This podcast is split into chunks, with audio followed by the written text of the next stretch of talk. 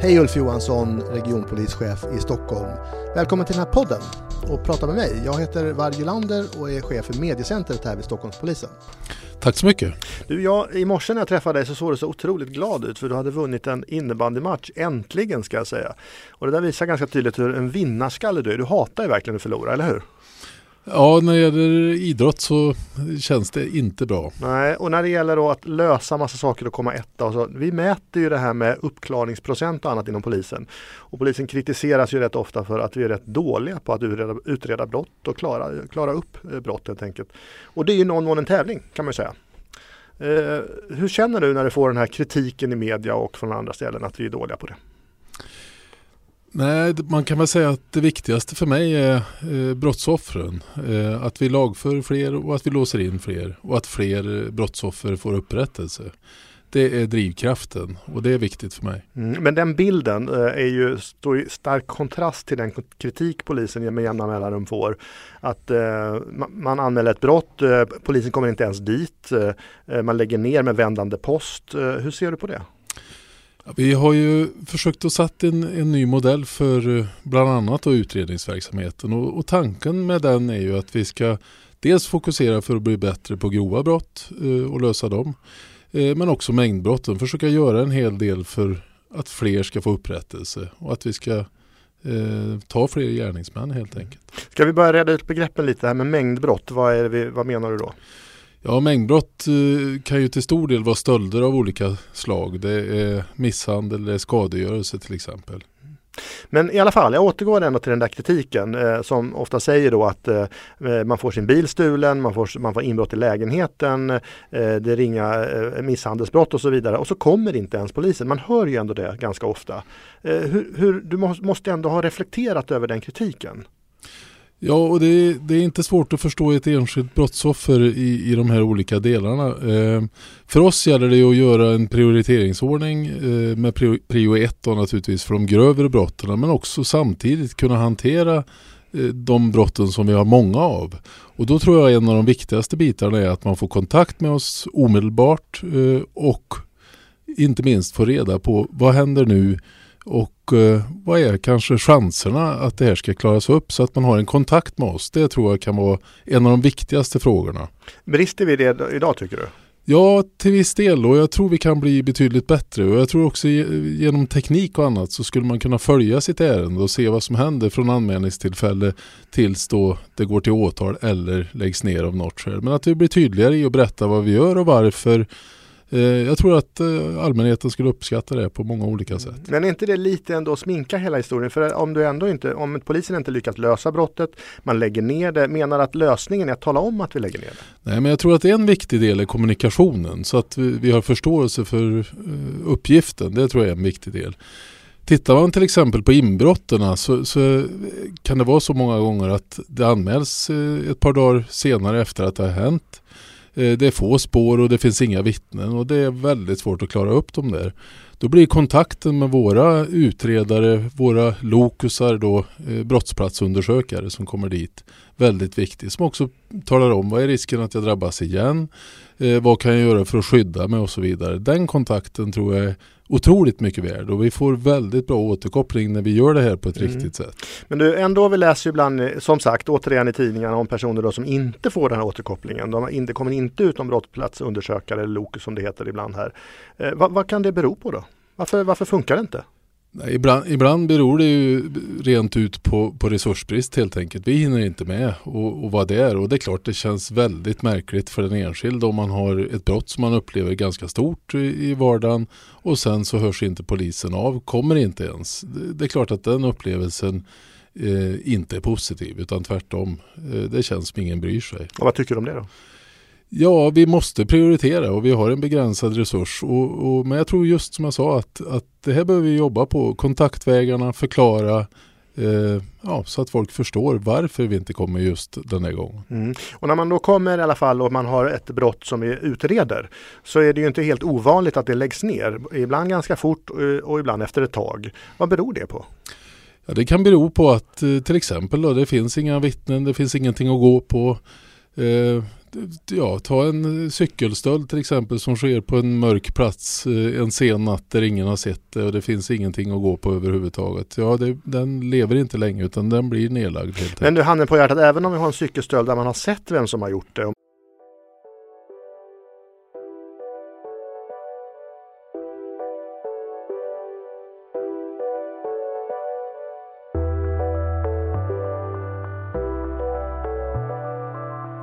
Hej Ulf Johansson, regionpolischef i Stockholm. Välkommen till den här podden och prata med mig. Jag heter Varg Lander och är chef för mediecentret här vid Stockholmspolisen. Tack så mycket.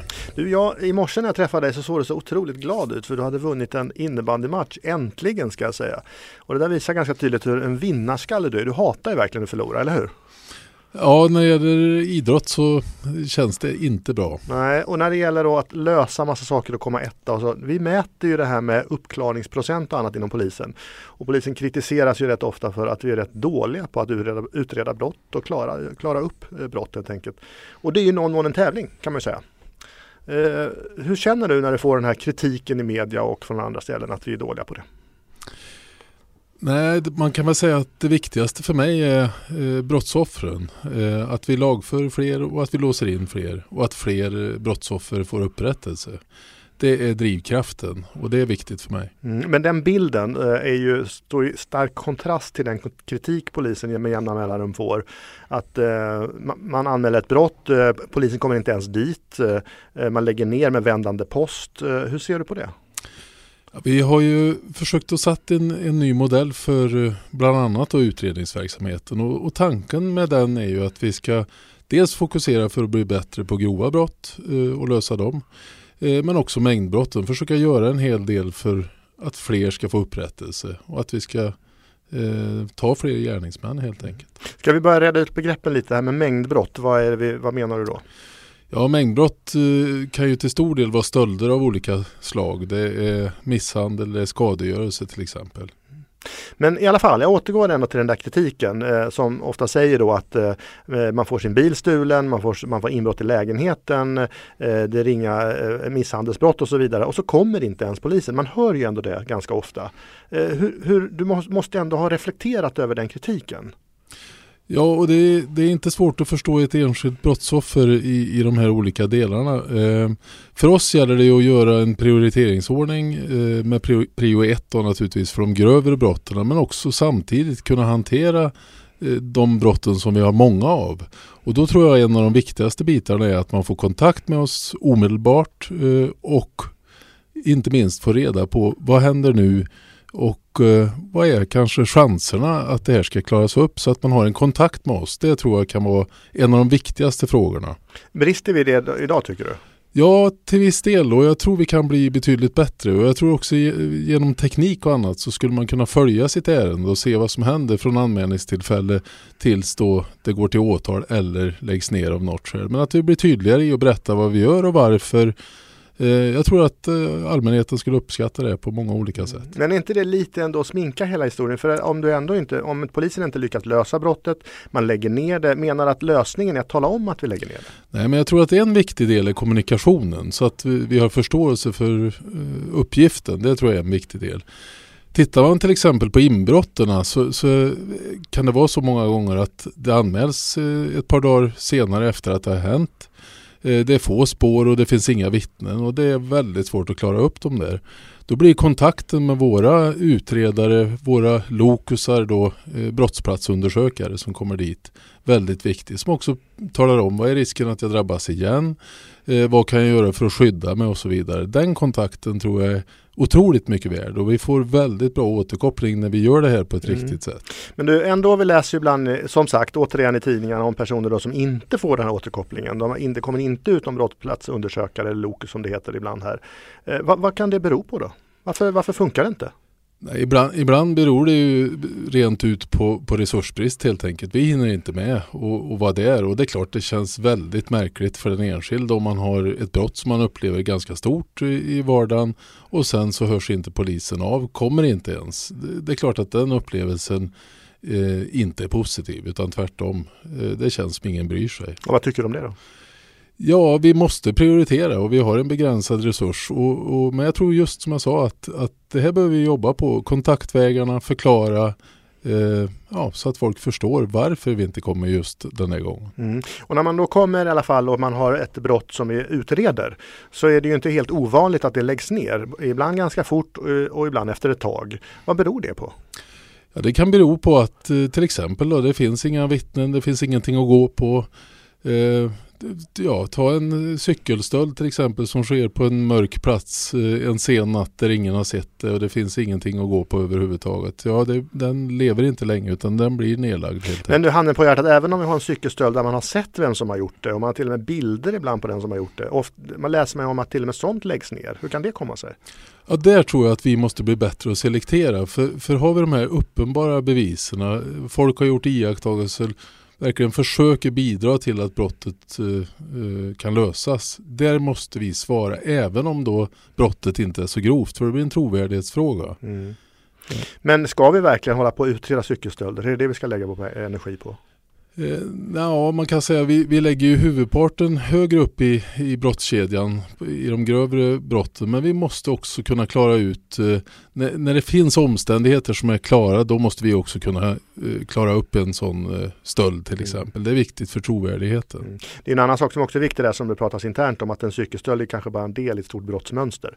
För den som stjäl den där cykeln kan ju begå massa andra brott och då får man tag i den personen också. Så därför är det viktigt. Mm. Du, när man en, en fortsätter utreda det här brottet, man har massa klart och sen går man, går man fram till eh, och så vill man att åklagaren ska väcka åtal och så läggs, läggs ju ärendet ner i alla fall. Eh, vad kan det bero på?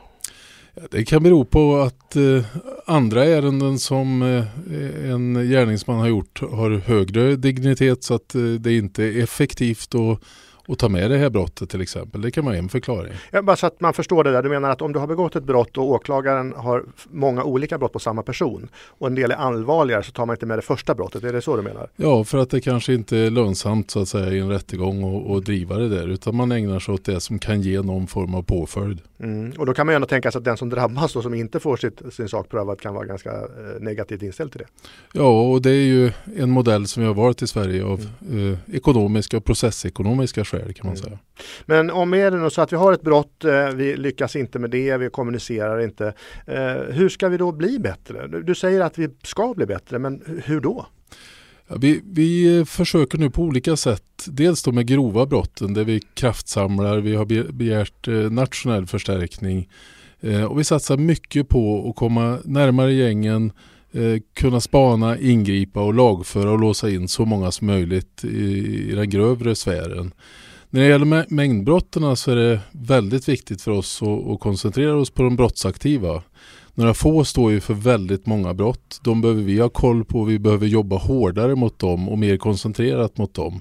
Får jag bara säga, vad bryter in när du säger att vi måste, vi bör och sådär. Ska vi göra det? Vi gör det just nu och, och det pågår i denna dag. Eh, så de brottsaktiva är otroligt viktiga. Eh, sen har vi också eh, förstärkt vår eh, polisens kommunikationscenter. Eh, där tanken är att vi snabbare ska kunna ta hand om anmälningar från all allmänheten och också se till att, att vi kommer till ett slut och till, ett, till en uppklarning så snart som möjligt. Eller bli klara med ärendet så eh, snart som möjligt. Så att det inte går in hela vägen i polisens organisation. Utan vi ska ha en snabbare hantering av, av många av de här mängdbrotten. Ja, alltså enkelt uttryckt så att när man ringer till polisen och gör en anmälan så tidigare så, så for liksom det här brottet eller anmälan in i systemet och bearbetades under lång tid och tog mycket resurser. Mm. Medan nu så kortar vi den tiden genom att man ganska snabbt eh, bestämmer vart den ska ta vägen i systemet. Det är väl så det är ungefär va? Ja, ett färskt ärende som man då gör förstahandsåtgärderna direkt, ser om det är möjligt att klara upp eller inte och, och, och kommer till ett avslut mycket tidigare mm. än att det blir liggande. En annan brottskategori som är, har exploderat de senaste åren är bedrägerier bedrägerier, inte, inte minst internetbedrägerier och som tar en mycket, mycket stor andel av anmälda brott. Hur, eh, hur ska vi hantera det? Ja, där finns det mycket att göra på många olika sätt. Eh, dels måste vi få ner våra balanser. Vi har alldeles för många ärenden som eh, är gamla och har blivit liggande för länge. Det jobbar vi för att få ner det, för att kunna jobba med färska ärenden. Sen är den brottsförebyggande delen otroligt viktig när det gäller bedrägerier och där har vi ett nationellt bedrägericentrum som går ut och varnar allmänheten, visar på brotts, eh, ja, hur man går tillväga helt enkelt, bland annat på nätet. Och vi har också mycket kontakter med, med banker, eh, kreditkortsföretag och andra intressenter för att de ska eh, då ändra rutiner för att folk inte ska bli lurade. Mm. Eh, det finns mycket att göra på bedrägerisidan. Vi tittar också på lagstiftningsfrågor lite grann och ser om vad ska vara kriminellt och inte och sådär. Mm. Och vad kan man göra för att skärpa kraven på eh, ja, på olika intressenter i det här. Mm. Och den som sa det han heter Ulf Johansson och han är regionpolischef i Stockholmspolisen och jag som frågar heter Varje Lander och chef för Mediacentret. Vi pratar om, om brott och brottsuppklarningar och den kritik som riktas mot polisen med jämna mellanrum för att man faktiskt inte klarar sitt grunduppdrag. Det finns en annan sak som är väldigt hårt debatterad och diskuterats den senaste tiden. Det är ett begrepp som kallas för pinjakten. Kan du väldigt kort beskriva vad det är för någonting? Man kan säga för ungefär tio år sedan så var det så att eh, polisen fick väldigt hårda resultatkrav på sig. Och kan man säga då, eh, metoden pinjakt går ut på att man, eh, man på sätt och vis fuskar sig till eh, eh, nya resultat genom att vara man tar enkla pinnar så att säga. Mm. Du ställer upp en trafikkontroll till exempel eh, mitt på dagen och har väldigt mycket eh, bilar men får rattfyllerister. Liten problembild egentligen. Men i det fallet fick du upp antalet blåsta eh, förare då, vilket du då eh, var en del i pinjakten och mm. bland annat som man diskuterade mycket. Nu har ju diskussionen om pinjakten kommit tillbaka. Vi, polisen utsätts ju för hård kritik och hårt tryck på att utredningsresultat och utredning är, är dåliga. Och eh, vi ser i, i media de senaste dagarna har det faktiskt varit hård kritik internt inifrån, faktiskt mot dig och, och andra här inom polisen, att du har återinfört pinjakten. Har du det?